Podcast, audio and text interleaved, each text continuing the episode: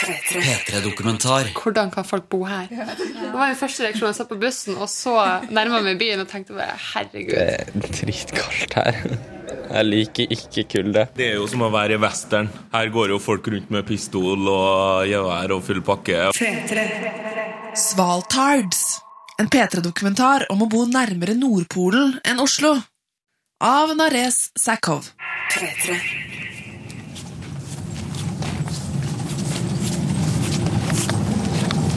Jeg kjenner at lufta ble dårligere når vi nærmer oss uh, Semen. Ja, det er som litt sånn äh, surt, litt kloakkaktig. For det var, det för något? Är det metangass, eller? Nei, det er mest uh, er støv i lufta. Det er det som är.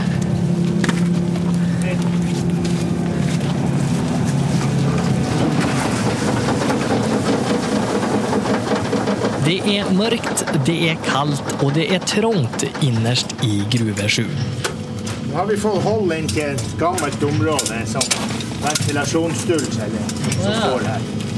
Det er vel å klargjøre til et nytt område. Vi skal oppover her med tre stuer. Du ser disse maskinene som går her inne. Det, Det er 50 tonn den maskinen. og du ser nesten ikke hvor du kjører den.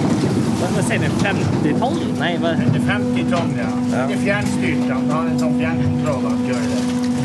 Jag och gruvarbetarna Jim Kato och Svein Jonny måste pressa oss mot väggen som en klase bananer så att bandvagnen framför oss får plats att köra förbi och lasta på ett berg med kull. Från vägg till vägg så är det 6 meter bara och från golv till tak 1,3 meter. Det enda ljuset här inne kommer ju från våra hjälmar och de olika gruvmaskinerna som vi måste passa oss för då, så vi inte blir mosade. Du ser de som kjører shuttlecar. Den som sitter inne her, den ser ikke mye. Nei. Så i området der shuttlecara kjører, så er det må du være veldig forsiktig. Og hvis du skal, skal man bevege seg i det området, så må man gå på den sida sjåføren sitter på. Så er det jo bekmørkt Martin her, så det Ja, det er jo en svart om det inte är. Det her er altså kontoret til Jim Kato og Svein Jonny. Fyra kilometer inn i fjellet med kraftig luftkonditionering, minusgrader og uten mulighet å stå oppreist. At være gruvearbeider for Store Norske Spitsbergen kullkompani kan vel best beskrives som godt gammeldags, hårt jævla arbeid. Med garanti for å bli svart i trynet og skitig under naglarna. För varje dag handlar ju om att bara gräva sig inöver och till slut genom fjället, berättar Sven-Jonny. Kutta, frakta och säkra. Repeat. De her årene her, eller, eller kollaget, så nær sagt, det går helt ut i fjellsida. Så før man starter opp ei grue, så er man nå ute i fjellsida og gjør såkalt avdekking for å se kollaget og ta høydemål og, ja, og prøver for å sjekke kvaliteten. Ja. som cirka vart ni hamnar? Ja. Men ni följer det, er det sånt att det bara på måfå följer in inn. Det Nei, nei, nei. nei. Vi, har jo, vart det är? vi har jo et mål og, og, og mening med drivinga, for å si det sånn.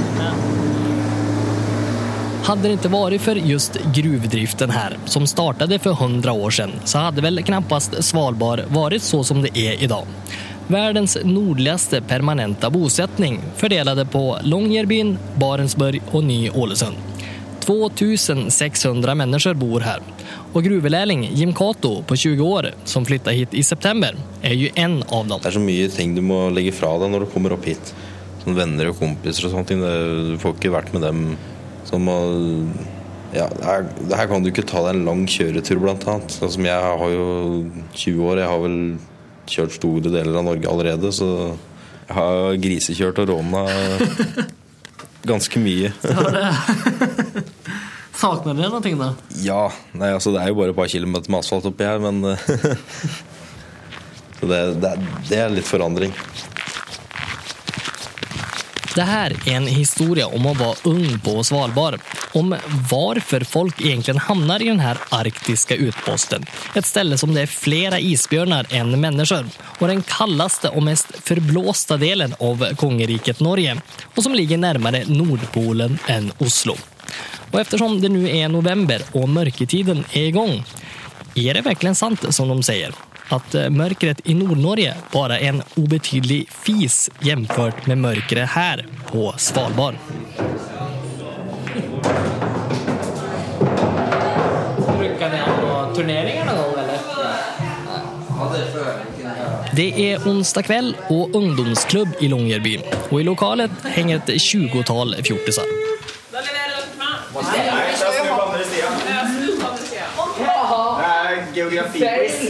Noen spiller biljard og tugger tuggummi. Andre ligger og hvisker og trykker på sine telefoner i det mørke puterommet. Og så har du to lag som er med på kveldens quiz. Jentene mot killene, så klart. Hvilket land tilhører Grønland? Um, Sogn og Fjordane der regner jo veldig mye. Her regner det nesten aldri. Um, og så ja, det er vel kjøpesenter og sånt. Det er det ingenting av her oppe. Så vi må handle på nettet. Så det savner jeg litt. Butikker og sånt. Eksempel i helgen her så er det liksom bare byen man kan dra til, og den er ikke så veldig stor. Mens eh, når man bor nede, så kan man kanskje dra litt mer rundt. på en måte. Finne på litt mer ting, på en måte. Man er på en måte litt sånn stuck her i Longyearbyen. Det er vel lett å forstå at en liten polarby ikke nødvendigvis er the shit når man er 14 år, så som Kristin og Åsne prøver å hinte fram om. Så som mange andre av fjortisene her på klubben i kveld, så flytter jo Kristin og Åsne hit pga. sine foreldre. Noen mer frivillig enn andre, så klart. Men ingen virker jo ha noen planer om å stanne her mer enn bare noen år. Jeg har ingen anelse om hva jeg har lyst til å bli når jeg blir stor. Men eh, jeg vet at jeg ikke har lyst til å studere her oppe, da. Fordi at ja, jeg vil bo nede og studere. Men hva jeg skal studere, det vet jeg ikke. Men blir du her på videregående, tror du? Det kommer an på hvilken linje jeg skal ta. Så, fordi at det, de har ikke så veldig mange linjer her oppe. Ser du for deg at du blir boende her på Svalbard? Um, nei, jeg tror ikke det, fordi at uh, Eller jeg tror egentlig ikke noen i familien kommer til å bli boende så lenge på Svalbard. Men jeg vet ikke. Vi skulle egentlig bare bo her i ett år først, og så ble vi ett år til. Så jeg får se hvordan det blir. De trenger, det er Milf Hunter som har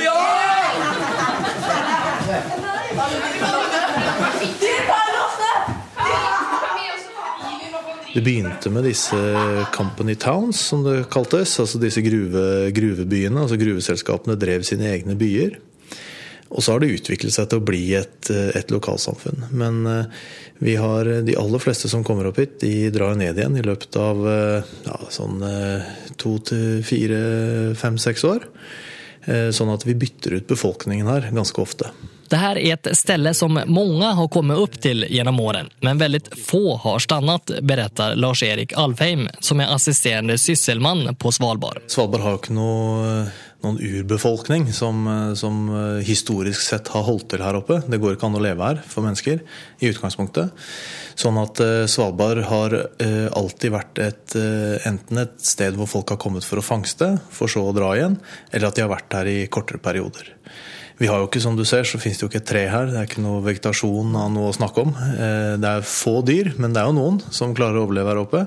Men for mennesker så, så har ikke dette vært noe, noe varig bosted. Man kjenner seg ganske liten her når man spankulerer under de gule gatelysene i Longyearbyen. For det er jo helt umulig å se det pga. vintermørket, men man kjenner det virkelig i kindene gjennom den ekstremt kalde vinden. For bortenfor fjellen og de gamle gruvene rundt om her, så det jo nesten et uendelig isøde. 61 000 kvadratkilometer med tundra og isbreer og sten. Like stort som en femtedel av Fastlands-Norge, eller som Finnmark, Rogaland og Vestfold til sammen. Og den som bestemmer over det her enorme landområdet, er sheriffen på Svalbard. Nemlig sysselmannen og hans kontor. Det vi jo sliter en del med, for å si det sånn, det er promillekjøring. Folk som kjører i påvirka tilstand, det være seg scooter eller, eller bil. Eh, og så har vi en del av de mer eksotiske lovbruddene. Altså sånn ulovlig jakt og ulovlig fiske og sånne ting. Eh, og så har vi eh, ulykker, som vi bruker mye tid på, som også blir eh, behandlet som, som straffesaker. Ulykker? Hva da? for Ja, typisk isbjørnangrep f.eks. Det er noe som ikke forekommer noe annet sted, eh, og det, det har vi jo her oppe. For det jeg tenker liksom Sysselmann, Svalbard, ni må hanskes med folk som har vært utfor det Mm. Ja. ene eller andre av ekspedisjonsulykker. Liksom. Ja, og hvis man er på ekspedisjon, så vil det ofte kunne være en etterforskning i forbindelse med hvis nå en eller annen har omkommet på ekspedisjon, da, falt ned i en bresprekk eller gått i sjøen eller blir tatt av isbjørn eller et eller annet. I tillegg til det så har vi gruveulykker. Det har vi dessverre en del av. Sånn at eh, det hender fra tid til annen at, eh, at vi da driver etterforskning av gruveulykker. Den første reaksjonen var jo hvordan kan folk bo her? Det var min første reaksjon. Jeg satt på bussen og så nærma meg byen og tenkte bare herregud, hva har jeg gjort nå? For en rar sammensetning av hus. Ja, det var det første jeg tenkte. Gud, hvor nakent. Ingen trær. Det er bare litt hus og steiner og fjell.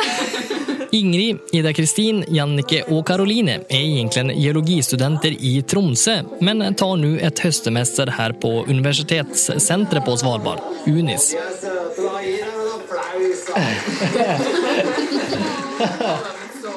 Och när de inte sitter här på studentbracka och kikar på Göj på landet på TV så är det ut på tur. För studentvardagen här är ju ganska annorlunda än på fastlandet. En sak är ju att de främsta polarforskarna faktiskt är de som föreläser på UNIS. Men en annan sak är ju att studenterna får sticka långt ut i fält. Ofta. Vi var på isbrevandring. Det var kjempeartig. Det var første gang, ja. Så det var dritkult. Hoppe over sprekker og Vi kjørte jo den båt fra plass til plass. Vi, vi var jo på geologitur, så vi var jo gravde mye i sanda og så på forskjellige glasiale avsetninger. Da. Noen av nettene så så vi ute, og da lå vi bare og, hørte, og så på isbjørn som kalver, og du hørte det brusa i vannet. og Det var virkelig en opplevelse. Det var vårt første møte med det virkelige Svalbard. Og det virkelige Svalbard innbefatter jo så såklart isbjörnar. Det att stå på sin første isbjørnvakt utenfor teltet midt på natten. Trøtt, nervøs og usikker. Medan det snør og er iskaldt. Det var skummelt. Første gang var veldig skummelt. Ja, Det var sånn første her- natta da var Særlig når Ida plutselig forteller at eh, hun ser noe som rører på seg, og de nærmer seg oss. Da, I havet, ja. da kjente jeg hjertet banka. Da var like før jeg lada rifla. Så det var Shit, ja, men hva var det som skjedde? Eller vad? Nei, for jeg sto med kikkerten og så, og så ser jeg plutselig noe som rører seg opp med sånn isberg ute i, vann, ute i havet da. Og jeg bare Shit, hva er det der? Jeg bare Ingrid! så kunne jeg ikke rope for høyt, sånn at jeg vekte de andre. Og hun kom springende. Og, bare, ja. og så var det bare en sel. Men, men du trodde det var isbjørn? Vi trodde det var en isbjørn. Det var For jeg så bare først så, så det ut som hele is Eller flaket bevegde seg, så jeg trodde først det var en isbjørn. Jeg tenkte bare, så var det noe hvitt stort som rørte på seg. Men nå må jo säga, var det godt når jeg ni insåg att det bare var en sel. Jo, vi, da, da flirte vi godt. Men da fikk vi jo litt den opplevelsen òg. Ja, hjärtat dunkar ganska bra då, tänker jag. ja det gjør det. Alla som startar på Unis må gjennom et säkerhetskurs der man får opplæring i alt ifrån å håndtere vapen til å kle seg riktig. For studenter fra hele verden kommer jo hit, men langt ifrån alle har jo faktisk opplevd vinter og snø innan. Och eftersom det är runt 3000 isbjörnar på Svalbard så rekommenderar ju Sysselmannen att alla är beväpnade när de ska på tur. Ingen jägerpröve behövs. Alla som önskar det får vapenkort för isbjörnbeskyttelse. För senast i fjol blev ju en brittisk 17-åring dödad och fyra andra skadade av en isbjörn under en expedition. Utenom bebyggelsen så er det faktisk en viss sjanse for å møte på isbjørn. Så da går vi bare ned på skolen, og så ser vi veldig rifle, og da, da får vi det med en gang. For vi rifler, og så får vi en sånn nødbløs. Mm. Så det må vi ha med uansett hvor vi går utenom bebyggelse. Ja, Hva er det man gjør da, ifall att eh, man treffer på isbjørn eller ser at det er noen framme der? Hva er liksom prosedyren? Først er å uh, snu, rett og slett. Vi, vi er ikke lov til å oppsøke isbjørn. Ja, gå motsatt vei. Ikke lov å stoppe og ta bilde eller noe sånt. Og så det, hvis den nærmer seg, så ut, blir det først nødbløs og Prøve å skremme den. Ja, eller samle oss med grupper. Ja. Prøve å få til å og se virke som en stor gjeng, som en stor, eh, en storteri, rett og slett. Ja, store bevegelser. Ja. Og går ikke det, så er det jo avførskudd. Mm. Ja. Helst ikke på isbjørn. Nei, Først og fremst. Man må liksom, sk Ja. man, man må liksom skremme den. Det er det som er første lydet. Liksom. Høye lyder. Ja. Som okay. ofte så blir de redde og går. De vil ikke Men det har jo hendt at de har måttet skutt isbjørn.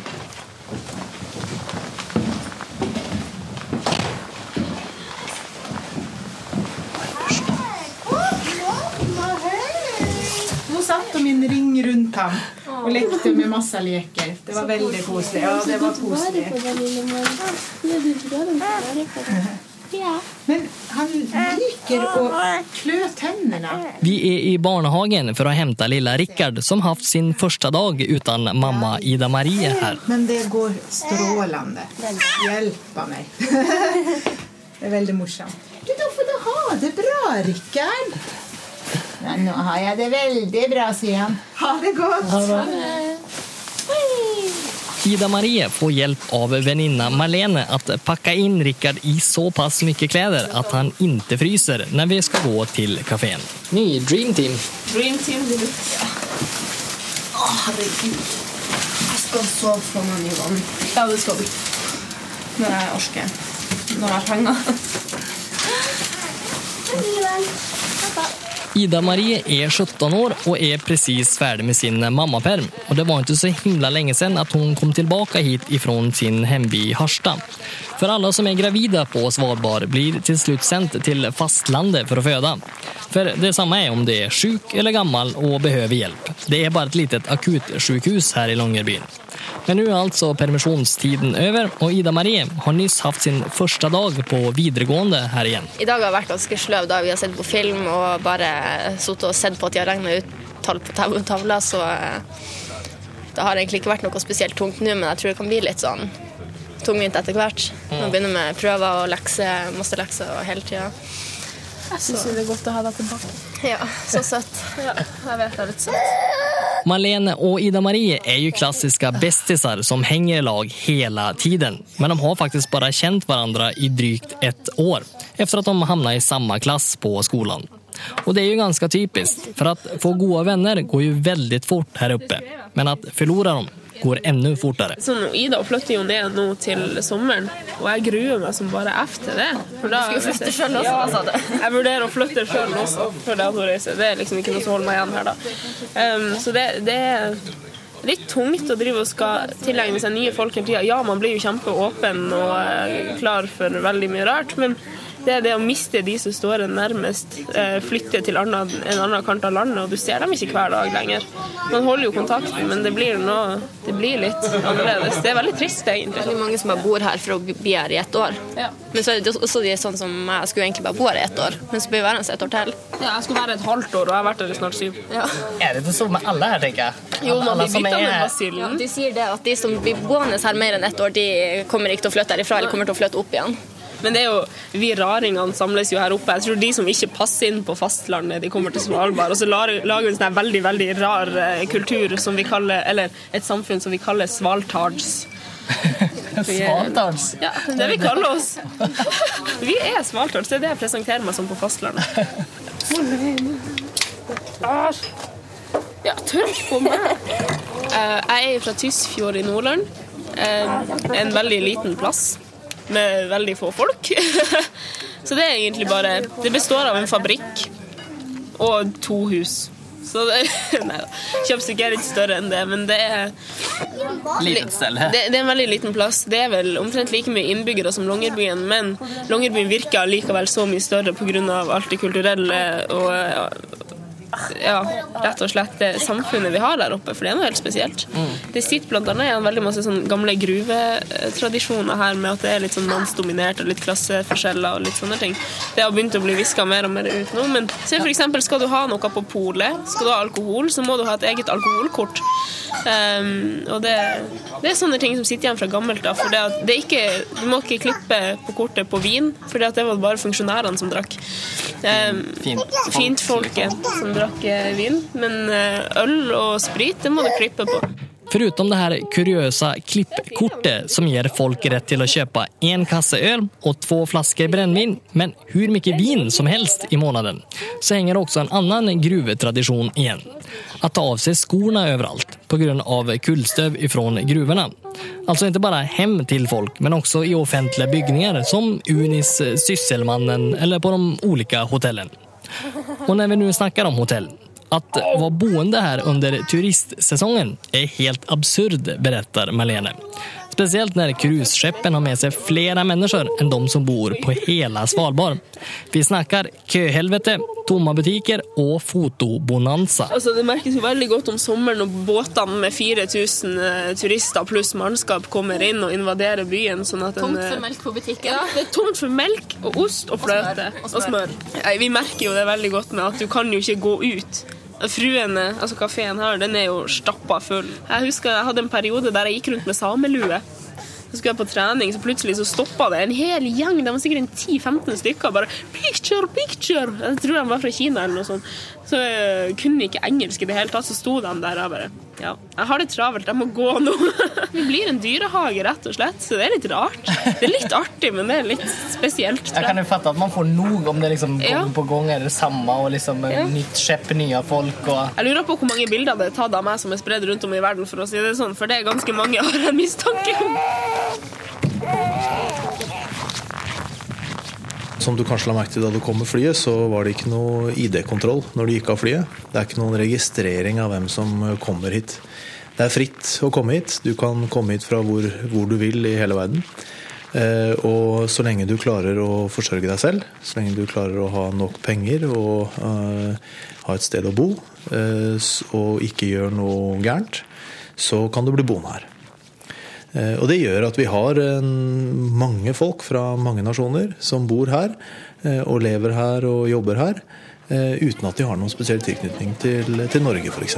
Det er Svalbardtraktaten som assisterende sysselmann Lars-Erik Alfheim prater om. Og på denne här så bor det faktisk folk fra 42 ulike länder på Svalbard idag. Barentsburg, som är en rysk-ukrainsk gruvbosättning, har drygt 400 innbyggere. Ny-Ålesund, som i dag er en forskningsstasjon, har opp mot 150 innbyggere beroende på årstiden. Og Longyearbyen har i overkant av 2000 innbyggere. Og nå skal du høre, det finurlige med Longyearbyen er jo ikke at det er flest norsker her, men de som er nummer to på listan. Thailenderne. savner jo så klart Thailand. Det gjør man jo. Man gjør jo, man savner jo hjemlandet sitt. Det, det skal man kunne si. Men eh, det har vært veldig bra her. da. Trives veldig godt. Og hvis man skal flytte herfra nå, så skulle man gjerne kalle det et hjem, egentlig. Det er litt rart. Ja, Ja. kallar Longyearbyen Svalbard Ja. ett hjem. Ja, det gjør jeg. Men kaller også Thailand mitt hjem. Selv om det bare er hjemland.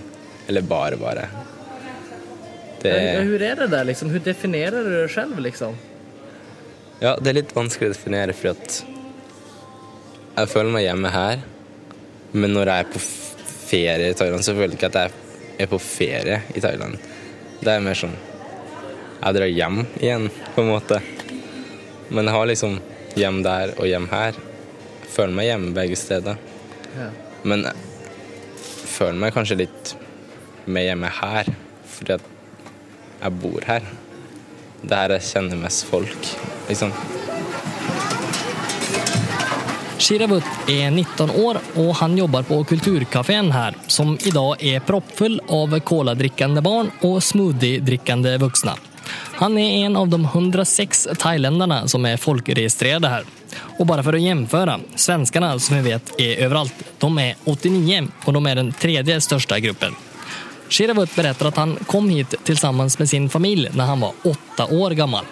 Utan att ha en aning om vad Norge eller Svalbard var för någonting. Det var kaldt. Det var veldig annerledes. Fra 38 grader til ja, motsatt i gradestokken. Men eh, hvordan var det der med at du havna på skolen her? Hvordan var det? Minste du någonting av det? Så första dagen på skolen, og hva som skjedde, og hva du måtte gjøre? eftersom det, er norsk liksom? Altså, det, det gikk jo ikke så lang tid før jeg begynte på skolen. Det var sånn ei uke, så var jeg på skolen. Men eh, første skoledagen så var det sånn De var ikke overraska over at eh, jeg var der, eller om den var surprise med noe som helst. Det var, det var allerede en som var thai der. Men hun kunne såpass godt norsk at det var liksom ikke noe problem for meg at hun er liksom en som oversetter alt det jeg sa. det. Så da var det det var litt morsomt, egentlig. Ja. Man trengte liksom ikke språk allikevel. Nei. Det var liksom bare ja, ha det gøy sammen. Og det, det er det som teller. Så det gikk veldig bra? Ja, det gikk veldig bra. Eftersom en månadslön här är lika stor som en årslön i Thailand så är det väl förståeligt att många thailändare kommer hit och jobbar som renhållsarbetare, kockar eller stuepikor. På trots av snöhelvetet, för att säga det så. Men för barnen som växer upp på Svalbard så är det ju en blind väg. För Shiravut, han är ju inte ett fnugg mer norsk nu idag eller har mer rättigheter, även om han har bott här längre än i Thailand. Ska han till exempel resa en tur till fastlandet så måste han söka turistvisum. Nu är han ju färdig på videregående och ska jobba ett år. Planen är ju att pröva komma in på Norsk hotellhögskola i Stavanger nästa höst, säger han. Om det nu går då. Um, Snakka med rådgiveren, da. Og Hun sa at uh, jeg går under norsk kompetansemål, men jeg er fortsatt Siden jeg ikke har norsk eh, statsborgerskap, så er jeg jo fortsatt eh, som en utlending som søker inn, Mm. men bare under norsk kompetanse. Og da tror jeg det er en fordel. Det var det hun sa. Jeg må nesten snakke med henne igjen Ja, ja. før vi begynner å søke. Men det var Det var noe med det. Om du skal liksom tenke något på hva, hva, er det, hva er det kjipeste med å bo her i Långerbyn mm, på Svalbard? Det kjipeste Jeg har to kjipeste, hvis jeg kan si det. Den ene er at det er dritkaldt her. Jeg liker ikke kulde. Jeg vet ikke hvorfor jeg fortsatt bor her. Men eh, også er det veldig trangt miljø. Det er så lite. Er, man møter samme folk hver eneste helg, liksom. Og hvis man endelig møter nye folk, så blir det sånn uh, Kjempeglad. Så kommer nye. Men man møter liksom samme gamle folk. Jeg sier ikke at de er kjedelige, det gjør jeg ikke. Men eh, det hadde ikke vært noe feil med å møte nye. Vi drakk 100 sånne underberg. Ja, 107. 107. 107 var det. Vi har fem stykker på 107 Underberg. Var ikke 110, da? Det gikk jævlig dårlig, for å si det mildt. Sysselmann kom og prata til oss. Vi, eller Sysselmann syntes det var jævlig dårlig. Ikke la han drikke så masse. Og så peker han på meg! Någon som däremot inte tycker att det är så himla illa att det är lite folk här i Långerbyn är de här grabbarna. Eftersom de är över medels intresserade i både skoterköring och dricking så kunde de väl inte hamnat på ett bättre ställe, berättar Jonas och Stig. Hvis du f.eks. vil ha en eh, trippel Red Bull vodka, så får du en trippel Red Bull vodka så lenge du betaler for det. Brukar du beställa det? Ja, Det hender seg vi gønner på noen gang, og da går det fort et brett med trippel Red Bull. Butikken er et steinkast unna der du bor, uansett hvor du bor. Ingen stjeler noe. Bildører, alt står oppe. Husene ikke låst. Bilnøklene står i bilene som regel. Det er jo som å være i western. Det er det jo. Her går jo folk rundt med pistol og gevær og full pakke. Og du ser jo bare sånn som på banken her, så er det jo fareskilt på døra på at du må sette igjen eh, våpenet før du går inn og sånne ting. Så det, det er jo som å være i gamle western. Inte like varmt kanskje, even om midnattssolen gjør vel sitt beste om sommaren. Men vilt er det i alle fall, økonomisk sett da. For skatten er jo bare på 15,8 her. Moms, det fins ikke, og alle varer er avgiftsfria. Så hver dag er dermed en taxfri dag på Svalbard. Noe som betyder at alkohol, tobakk og bensin er ekstremt mye billigere her enn på fastlandet. Men ferskvarer, derimot. Her er mjølk dyrare enn øl. Navnet ditt på en sånn Underberger-truck. Da, da kan du flytte ned med god samvittighet. Det er som å, å flakse en, en 20-30 meter på en scooter. Det er Det er greit mulig, men landinga er jo alfa og omega. Og det hjelper at den er litt myk. Her det er betong, så du må, du må lande så jævlig korrekt hver jævla gang. Altså, Hvis du fucker den opp, altså, så det har fatale konsekvenser. Du må hoppe perfekt. Hvis ikke, så slår du det. Og det har de vel også gjort, bedyrer Steffen. Mer enn bare en gang. Grabbarna som jeg snakker med rundt bordet er nemlig medlemmer i Sons av Svalbard som inte måste förväxlas med släktsorganisationen Sons of Norway. Det här är hardcore skoterentusiaster. För till vardags är de mekaniker och snickare och maskinförare men i helgerna så sticker de ut av Longyearbyen och kör snöskoter som bara fan, ska man tro Stig och Kenneth. Nu sitter de bara och väntar på att vintern ska sätta in på riktigt. Her er det lov å kjøre nesten overalt. Det er bare noen områder som er freda for eh, ja, hundekjøring, skikjøring. Og så er det områder som er freda pga. naturen. Det er større områder å kjøre på her, men det er mye hardere snø enn det er på fastlandet. Men ikke hård nok til å undvika f.eks. snøras. For För det var nære på at det gikk riktig skit for fem av guttene i Sons og Svalbard i mørketiden i fjor, når de var ute og kjørte opp i en fjellside. Plutselig så kom det en vegg av snø imot dem og Jonas ble med nedover. Og du kjente bare hvor snøen pressa på, og så lysna det opp litt igjen og pressa, så du gikk mer som en bølge nedover. Mm. Så jeg begynte å kave med hendene for å holde meg oppå. Og idet jeg når jeg kjente at raset begynte å stoppe, så rista jeg til på kroppen for å få plass. For her regna jeg med at det her kom jeg til å ligge en liten stund før de fant meg. Og så begynte jeg å tenke på det at eh, jeg kan jo prøve å se om jeg kommer meg opp. Så jeg tok de alt jeg kunne, og så bare nappa de rundt. Og da viste det seg at det var bare en 30 cm med løssnø som lå på toppen. Så jeg kom jo meg opp og fikk gravd meg opp sjøl. Og når jeg kom opp der og slo på hodelykta, så ser jeg bare videre nedover ligger det slengt skutere og personer som er helt borte. Så vi fant igjen alle sammen. Det var ingen som ble tatt. Så vi berga egentlig ganske bra, hele gjengen. Men det, det er jo sånne ting som setter en liten støkk i deg, sånn at du, du gjør ikke det noen flere ganger. Jeg vet ikke. Det er siste gangen gången vi får å herje i mørketida oppe i fjellsida, i hvert fall. Du, Markus, så må vi spørre deg en sak. Tjena grabber. hur faen er det? Hvor er det liksom her Nå går vi inn i mørketiden. The dark side, yes. Ja. Och så har jag fått höra av de här andra grabbarna att du är extremt mörkrädd. Ja, det är jag. Ja. Så in i helvete, jag tør ikke å blunke en gang til staden. Hvordan fan klarar du å bo her der du er såpass mørkredd, når det er helt svart hela Ma masse venner, det, er- det er kodeordet. Jeg tør aldri å gå alene. Altså. Det er ikke en sjans. Så jeg sover med lyset på, det er ikke tvil om det. Altså. Jeg gjør det. Uten tvil. Mørketida tar deg før eller siden. Det er, det er garantert. Jeg har hatt en jævla dårlig periode akkurat nå. Jeg har sittet hjemme og ikke hatt det så veldig bra. Men det, som er, det, er bare én telefonsamtale til en kompis og bare Ja, hei, du. Kom hit. Her er kaffe.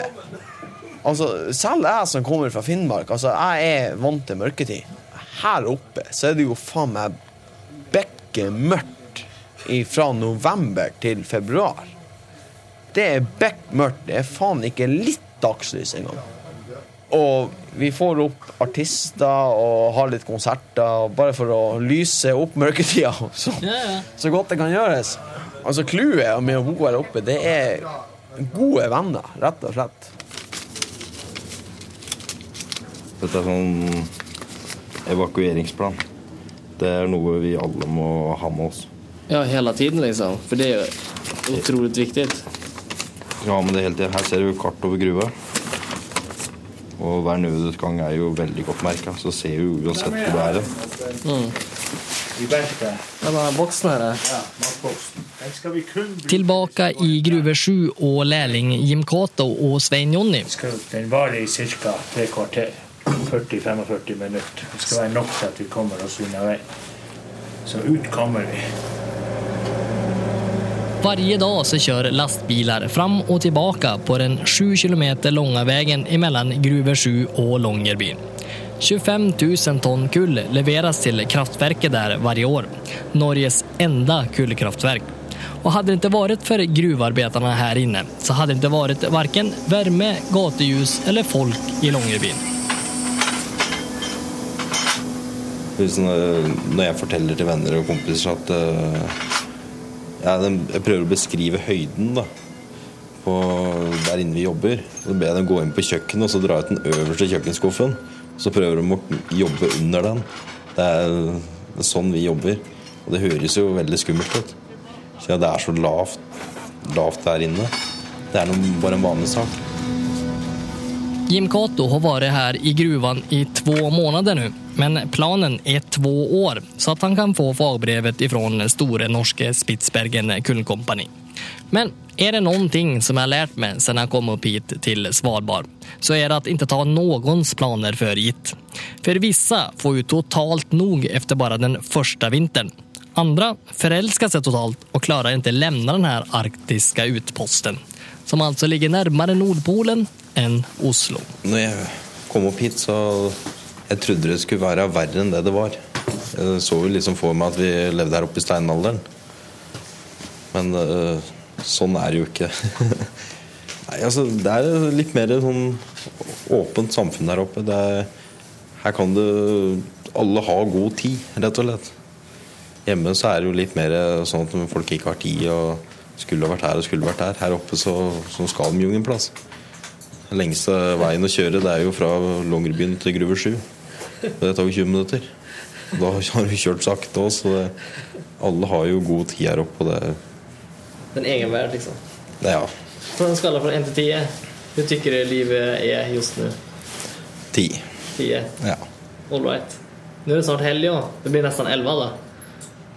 Jeg tror faen vi drar opp mot tolv her. vi.